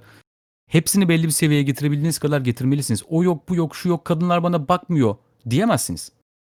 Böyle bir mazeretiniz yok. Yani eğer ki e, arkadaş çevreniz yoksa arkadaş çevresi edineceksiniz. Tipiniz kötüyse olabildiği kadar düzelteceksiniz. Sosyal medyayı kullanabildiğin kadar kullan.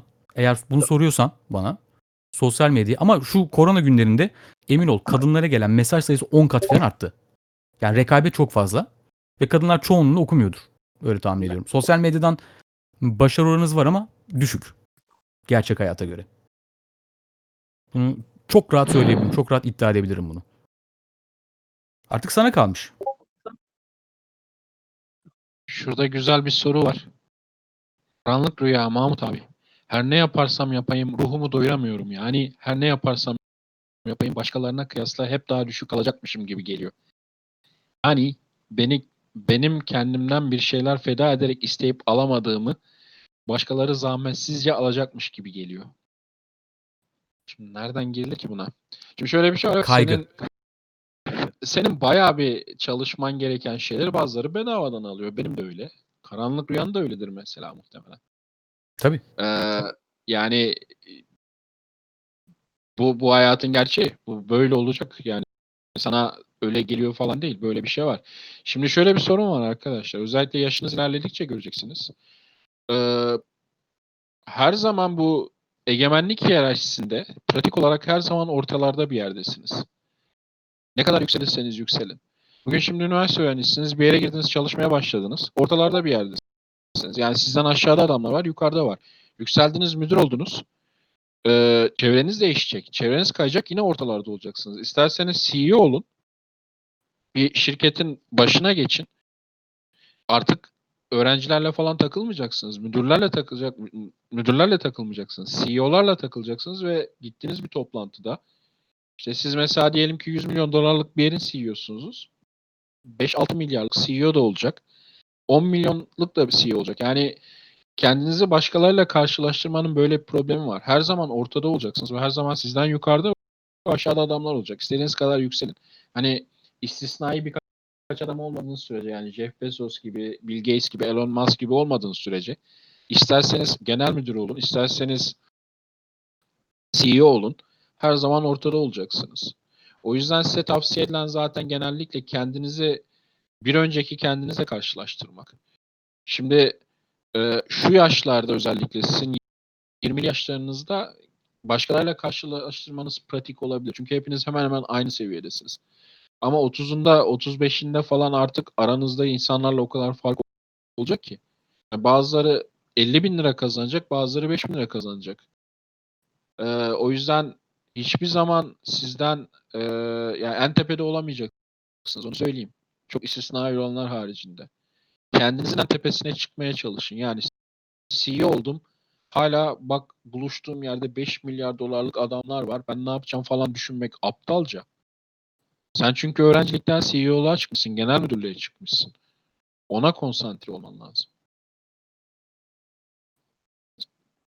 Evet yani Son hayat zor. Biraz Ben soru zengin- alalım abi. ben e, karanlık ekleyeceğim bir şey var mı? bir, Yok e, ya bir bu tamam. Rüyadan bir de Mahmut abi senden son birer soru alıp kapatabiliriz. Hı hı. Bu kaygı ya tamamıyla. Ya bu bu düşünce tamamıyla bu kaygıyla ilgili. Düşünce yapısını değiştirmesi lazım. Yani orada olan bir doğruya odaklanıyor. Dediklerinin hepsi doğru, yanlış doğruya odaklanıyorsun. Gereksiz bir kaygı bu. Ee, Freddy benim biraz vaktim var. Biraz uzatabiliriz. Bilmiyorum karanlık rüyanım var mı? Var var sorun yok. Sorulara bakıyorum da şöyle farklı özel güzel bir soru. Tamam o zaman uzatalım birazcık daha. Bir 15-20 dakika civarında uzatabiliriz.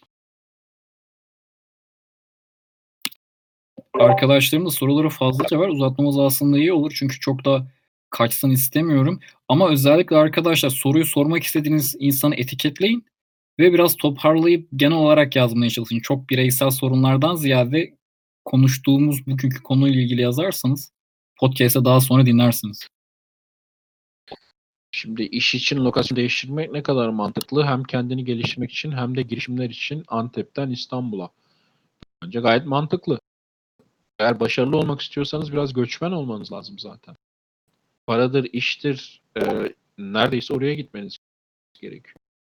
Tavsiyem mümkün olduğu kadar belli başlı büyük şehirlere gidin. Yani üniversiteler orada okumasanız bile sonra çalışırken.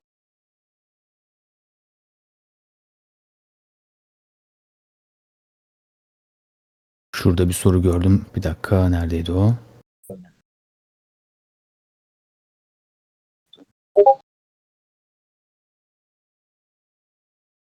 Bir arkadaş müziğe yönelmek istediğini söylemiş. Neredeydi? Kaçırdım ben onu da şu an. Heh. Bir dakika. Soruyu kaçırdım da eee, arkadaşım bir şey demiş. Son anda müziğe yöneldim, mühendisliği bıraktım falan gibi bir şey söylemiş. Bunu yapan bir arkadaşım var benim. Bizzat bunu yapan. Müzik bölümüne girip ondan sonra hayatını tamamıyla buraya doğru yönelten bir arkadaşım var. Şöyle bir şey söyleyeyim. İkisini bir arada yapmanız bence daha iyi olur. Profesyonel müziğe yönelirseniz tamamıyla elinizdeki opsiyonlar belli.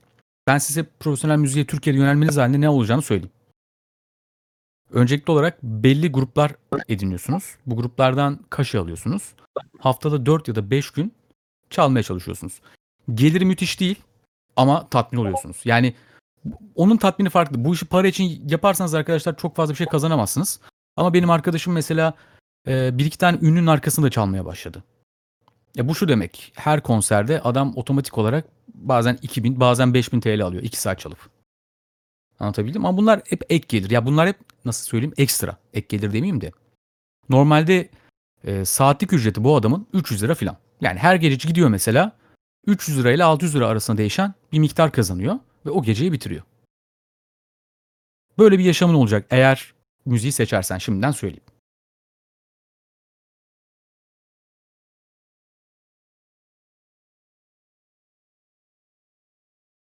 Neymiş? Haftada bir mekan çıkmak için hangi müzik aleti? Hangi müzik aleti olduğu önemli değil. Onu ne kadar iyi çaldığın önemli.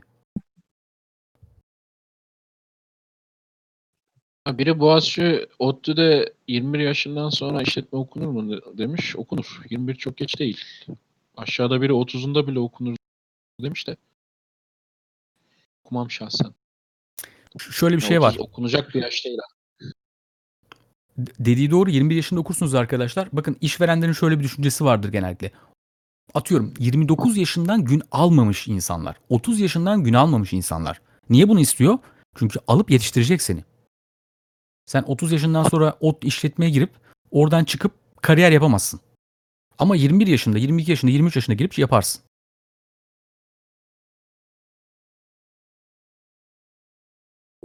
Özellikle ikinci üniversite okuyanların dikkatli olması lazım. Yani eğer mesleğinizi beğenmiyorsanız üniversite okumadan bir çare bulmaya bakın. Sene çünkü 27-28 yaşından sonra büyük kayıp.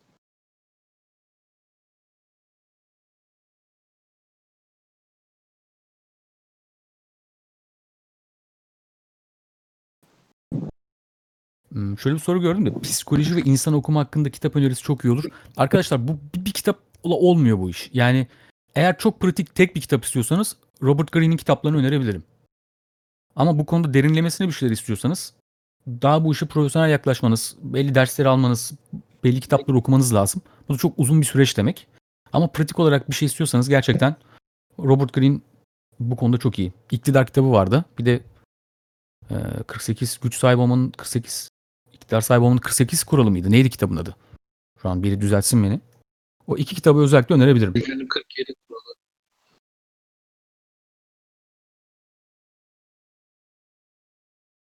Hızlı hızlı bakıyorum bir yandan. Kadın erkek çalışıyorsa ev işlerini paylaşmalı mı? Güzel soru da konuyla çok alakası yok şu an. Ee, şunu ekleyeceğim. Az önce e, konuşmadık. 20-30 yaş arasında hani 20 yaşında bir erkeği 30 yaşına aldık ya. Ee, mümkünse 30 yaşına kadar evlenmeyin arkadaşlar. Yani çocuk da yapmayın. Ee, evlilik yapmak istiyorsanız yapın ama 30'una kadar direnin. 30'undan önce de çocuk yapmamaya başlayın. Bakın. Ee, bunu şey söylüyorum ama. Hani 30'undan önce e, ilişki yaşayabilecek adamlara söylüyorum. Çünkü bazı adamlar muhafazakarlar. Evlilik öncesi seks yapamıyorlar. Tamam o adam 30'una kadar bekleyemez. Açıkçası. Böyle bir kısıtınız yoksa bekleyin. Sorumluluktan kaçma alışkanlığı nasıl engellenir denilmiş. Çok basit arkadaşlar. İyi bir Sorumlu, engellenir ama dayağı lazım. sorumluluktan kaçmayın. Yani bakın bu bu tamamıyla beyinde e, davranış duygu ne derler ona döngüsünden oluşuyor. Sen devamlı sorumluluktan kaçan bir insansan beynin de sana hep bunu yapmasını, bunu yapmanı önerir. Ve bunu yapmamak için artık ne yapman lazım? Yeni alışkanlıklar edinmen lazım. Yeni alışkanlıklar edinmenin en iyi yolu da sorumlulukları zamanda yapmaktır. Bunu hemen başaramazsın. Bunu rahat söyleyebilirim. Yani birinde yaparsın ama ikincisinde yine aksatırsın. Ama üçüncüsünde aksatma. Dördüncüsünde aksat, beşincisinde aksatma, altısında aksatma. Yavaş yavaş bu paternin değiştiğini göreceksin. Bakın arkadaşlar eskiden yaptığınız davranışlar bir kere de düzelmez. Bu kilo alıp vermede de böyledir. Yani sen yıllar boyu obez, obezsen öncelikli olarak beslenme şeklini değiştirmen lazım. Ve bir iki sene sonra sonuca ulaşırsın. Davranışlar için de aynısı geçerli. Onca nöron bağlantısı kurmuşsun, çeşitli davranışlar, pratikler edinmişsin. Şimdi bunun üstüne bir haftada 15 günde bütün davranışlarını değiştirmen mümkün değil. Üstüne gitmelisin disiplinli olarak, devamlı olarak bu erteleme alışkanlığını aşmaya çalışmalısın. Belli bir süreden sonra aşacaksın. Şimdi benim tavsiye edeceğim bu arkadaşa şöyle bir şey yapması. Bunu yaptıktan sonra bir iki hafta sonra falan gelip isterse bir daha konuşabilir burada ya da sorabilir. Ee, gelecekle ilgili otur. Ee, iki tane senaryo yaz. Birincisi bu şekilde sorumluluklardan kaçmaya devam edersen nasıl bir cehenneme düşebileceğini en kötü senaryoyu yaz. Uzun uzun ayrıntılarıyla. Bir de sorumluluklardan kaçmadığın zaman ne olacağını yaz. Bu ikisini bir birkaç gün harca bunları yazmaya. En azından 3-4 gün. Ve sindire sindire oku. Senin şöyle bir problemin var. Muhtemelen yaşın genç e, ve sorumluluktan kaçma alışkanlığının zararlarını henüz görmüyorsun kısa vadede. Bunun sana nasıl bir şey mal olacağını biraz e, hayal gücünde kullanarak yani cehennem senaryosunu bir yaz. Ondan sonra karanlık rüyanın dediği gibi e, bir şeyi ele alıp başlayıp onu değiştirerek yap. Alışkanlık bu sende artık. Sitede nöroplastisi ile ilgili yazı var. Bununla ilgili disiplin yazıları var. Umarım onlara bakmışsındır. Ufap sorusu yine. İki defa alıntılanmış. Spor için beslenmeyi nasıl yapıyorsunuz? Bununla ilgili rahip modu diye bir yazı var. Ekşi Sözlük'te yazdım. Hatta Ekşi'lerde de yayınlandı. Orada anlatıyorum aslında. İlla et yemek zorunda değilsin. Belli bir kilon varsa bu kiloya uygun protein miktarı alman lazım her gün. Bunun bir bölümünü tavuktan alırsın. Yani yumurtadan alırsın. Geri kalanı protein tozlarından alırsın. Tamamlarsın.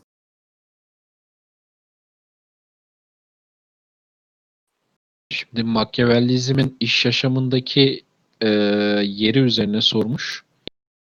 Arkadaş, iş yaşamında egonun ve bencilliğin bir kenara bırakılması ve şirket dünya yararına çalışılması gerek, gerçek başarı getirdiğine dikkat çekiyor demiş biri. Aa, ben katılmıyorum. Ee, belli bir seviyede egoya ve pozitif olarak bence ihtiyacınız var. Yoksa ayak paspasına dönersiniz iş dünyasında. Yani narsisizme abartmanıza gerek yok tabii ki. O yüzden dedim grilerde kalın arkadaşlar. Ne e, beyaza çok yaklaşın ne siyah çok yaklaşın. Grilerde kalmak ne demek? Ben ne kendinden çok ödün Denk- vereceksin ne Dengeliyorum. Eh denge aynen. Kesinlikle denge. İş yaşamında makyavelist olunması başarısızlığa iter mi insanı? Yani kelime anlamıyla direkt makyavelist olmanız itebilir. Şöyle itebilir. Çünkü şunu unutmayın. Rekabet ediyorsunuz, işbirliği yapıyorsunuz. İkisi aynı anda. Ee, özellikle çok fazla makyavelist patronlar vardır iş hayatında. Bu adamlar altlarında çalışanlar sabote ederler sürekli. Yani o seviyede makyavelist falan olmaya kalkmayın. Hani ben Machiavellist derken çok basit bir şekilde şu özelliğine bakıyorum. Ee, başarıya giden yol, her yol mübahtır. Yani kafasına bastığınız insanlar birleşip size kadar karşı çalışır real hayatta. İşbirliği de yapmanız gerekiyor insanlarla.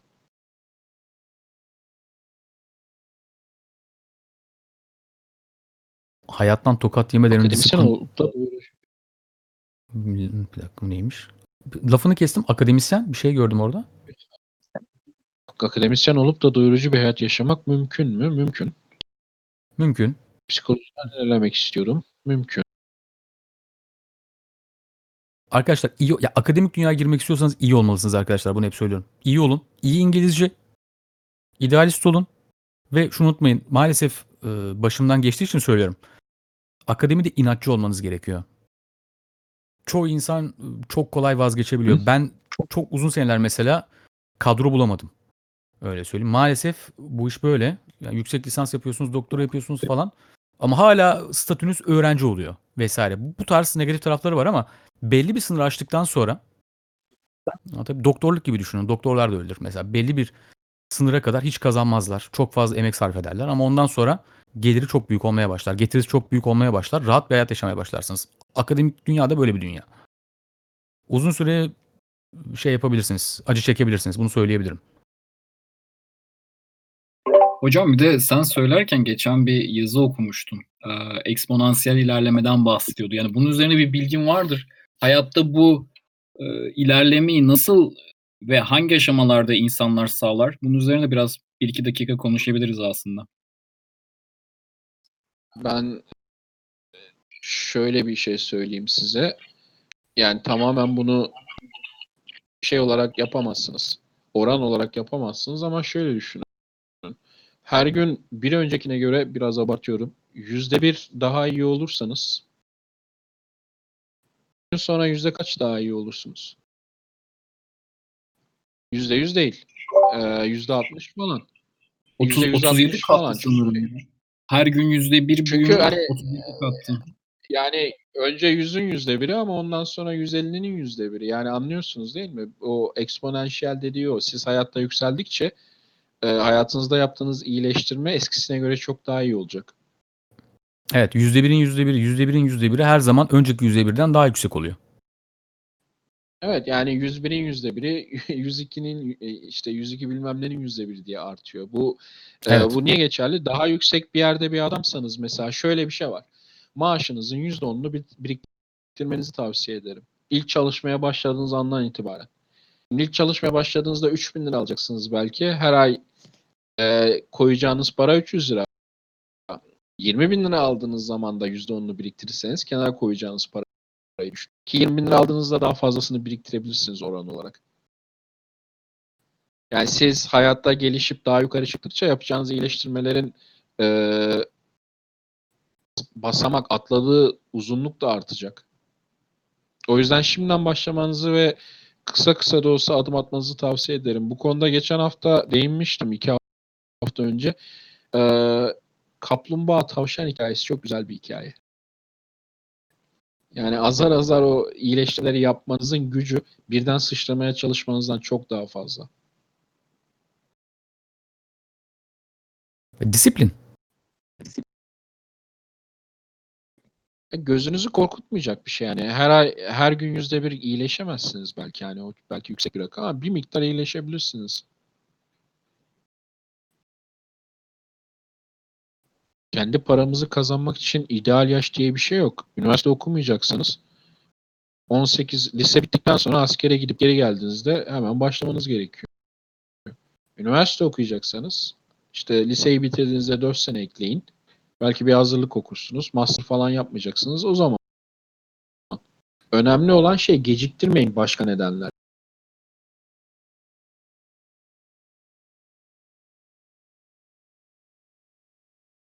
Kendi paramızı kazanmaya başlamak için ideal yaş sizce nedir? Kazanabildiğin ilk yaş. Çok Sesim basit. Karanlık rüya sesim geliyor mu sana? Geliyor. Ha, aynı soruyu gelmiyor. okuduk da. E, bir- Yok hayır. Demin sesin çok cızırtılı geldi. Tam olarak algılayamadım. Ben ikinizi de duyuyorum. Paranın yaşı olmaz da para kazanmaya önce başlasanız iyi olur. De 20'den 30'a geçerken konuşmadık ama e, kendi gelişiminiz için, güç kazanmanız için en önemli şeylerden biri mümkün olan en kısa zamanda yalnız yaşamaya başlamanız. Daha doğrusu ailenizden ayrı yaşamaya başlamanız.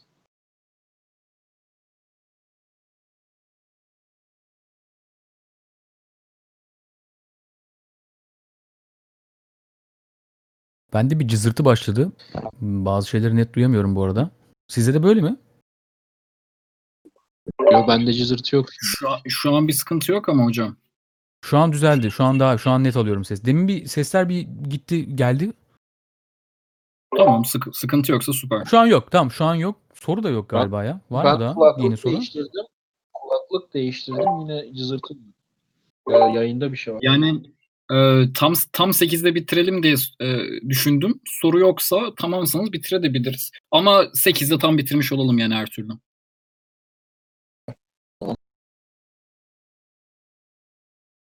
Arkadaşlar Tokat var mı? yeme- Bir şey gördüm. Şu Hayattan tokat yemeden önce disiplin nasıl sağlanır? Bunu cevaplamadık mı?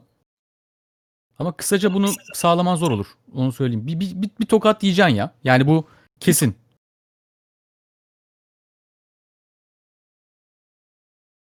Psikoloji bölümünü kendini tedavi etmek için okuyan öğrenciler var. Hı, olmaz o iş. Bir şey Net. olmaz evet. O direkt geçelim yani o soruyu. Öyle bir şey yok. Ticaret yapılabilir bir şey arkadaşlar da yani şey başarılı olma oranı çok düşük bir şey. Girişim o. Girişim hakkında ne düşünüyorsunuz gibi bir olay. Güzel ama girişimcilerin çoğu e, başarısız oluyor ya da defalarca denemesi gerekiyor. Onu unutmayın. Risk faktörü yüksek. Ticaret işinde her Çok zaman yüksek. evet risk faktörü yüksektir. Yani ya çok kazanırsın ya çok kaybedersin. Bunu göze alarak ticarete girin derim. Yani adamlar Türkiye'de bir laf vardır ya halde adam sebze alıp satıyor o kadar para kazanıyor yaptığı iş mi falan diye. Oraya gelebilen adam bayağı bir riski geçiyor ama. E tabi. Sen e, tıbbın 6 yıl olmasının okumak için bir engel olduğunu düşünüyor musunuz? Diye sormuş da. Sen bir tıbbı kazan da ondan sonra düşünürsün gerisini. Valla engel değil. Sonuçta insanlar yapıyorlar. Normali o. Ben kız sorularını okumuyorum.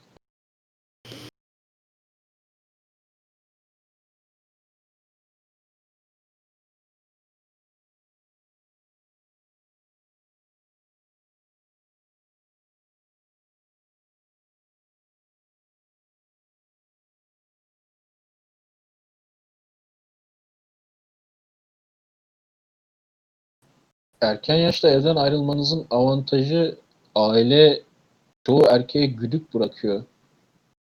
Şey açısından, büyüme açısından. Büyümeniz için bir yerde evden ayrılmanız gerekiyor.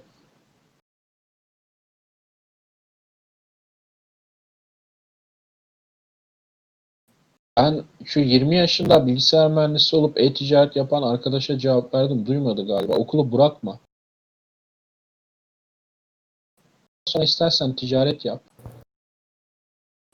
Okulu rölantide bitir ama okulu bırakma. Çünkü şu anki dünyada üniversite statü de sağlıyor.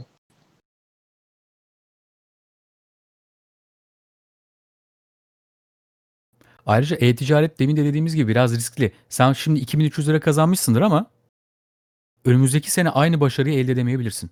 Ya da 5 sene sonra aynı gelir gelmeyebilir. O yüzden senin elinde Bak mesleğin dikkat olsun. et şey demiyorum. Bak Git adam gibi bir şirkete git, gir çalış demiyorum. Okulu bırakma diyorum.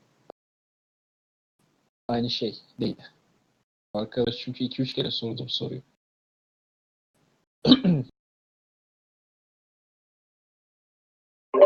Birisi e, yurt dışına çıkabilmenin tek yolu iş bulmam mı diye sormuş ama size. Memur çocuğuyum. Hiç iş birikimim yok. Bu şartlarda yurt dışına çıkarmak için tek yol orada bir iş bulmam mı? Ama ben de çocuğuyum. Benim de fazla birikimim yoktu. Evet iş iyi bir yöntem. Başka aklıma gelen yani normal çıkış için iş bulmanız gerekiyor. Yani bazı e, şeyler var. Kısa yollar var. Mesela Almanca öğrenirsiniz. Almanca öğrenen kişinin iyi bir mesleği varsa şu an Almanya'ya gitmesi mavi kartla falan çok zor değil. Onun için belki önceden iş bulmak bile gerekmiyor olabilir ama sanmıyorum. Türkiye'de yurt dışı bağlantısı olan bir şirkette çalışıp çıkma ihtimaliniz var. Üniversite Bulmadan üstünden de çıkabilirsiniz. Kon- kon- evet, üniversite olabilir. Bir de konteynerda çıkarsın. Evet o da olabilir.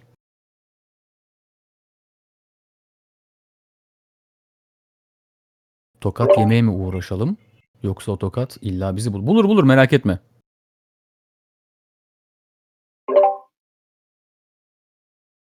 Son bir iki soru daha alırsak herhalde zaten bitmiş olur. 4 dakikamız kaldı.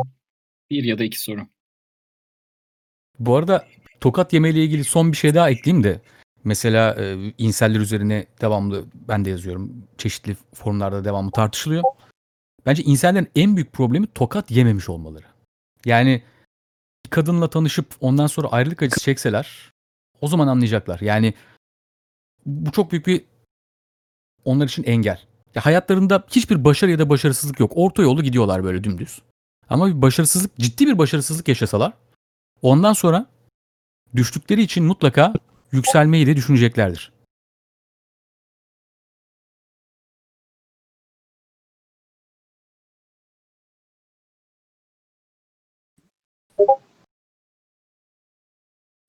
İnsanlar kendi kendilerine tokat duruyorlar sürekli ya. ya o o da ayrı bir mesele tabii. Yani o birazcık e, şeyi ne derler ona? Bunların dualarında ilgili bir var gibi de. yayın yapmak Evet evet onu yapalım ya. O gerçekten yapalım. Çok fazla çünkü e, yani inanılmaz bir şey. YouTube'da veya özel mesaj olarak çok geliyor. Hep aynı şeyi söylüyorlar yahu. Yani biri de farklı bir şeyle ma- materyalle farklı bir antitezle gelsin bana. Cevaplarını verdiğim şeyleri tekrardan soruyor adam mesela. Ya benim e, en çok hoşuma giden şey Instagram'dan bana gelen mesajlarda adamların tiplerini de görebiliyorum. Yani direkt dediği laf çürü- çürüyor. Yani bana daha şöyle çirkin bir adam mesaj atmadı abi çok çirkinim diyen. Çirkin olan birini. Evet. Şimdi ben az önce yurt dışına çıkın dedim ya arkadaşlar bu work and travel veya Erasmus'tan falan bahsetmiyorum ben. Ee, üniversiteyi falan bitirdikten sonra onu da yapın da çalışmak için falan mümkünse çıkın. Biraz yaşayın. Çalışan bir insan olarak yaşayın.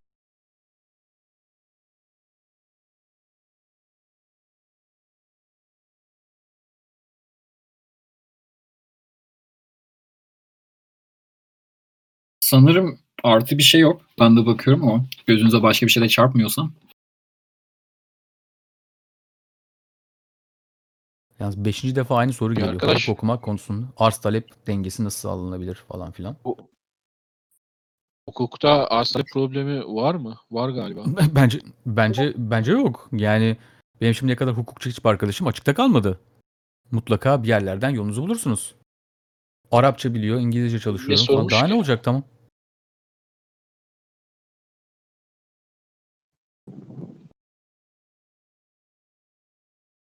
Tamam bitirelim burada. Umarım biriniz güzel kaybe- kaydetmiştir bunu.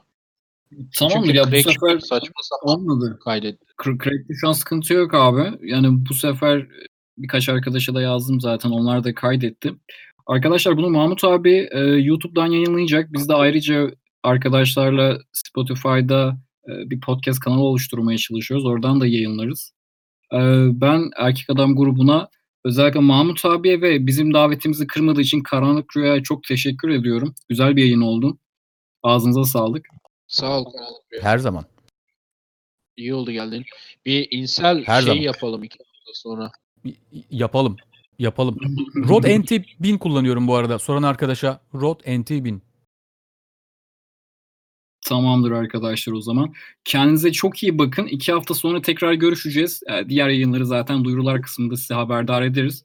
Bugün güzel katılımlı 200 kişiye yakın bir yayın oldu. Diğer yayınlarda zaten YouTube üzerinden takip edebileceksiniz.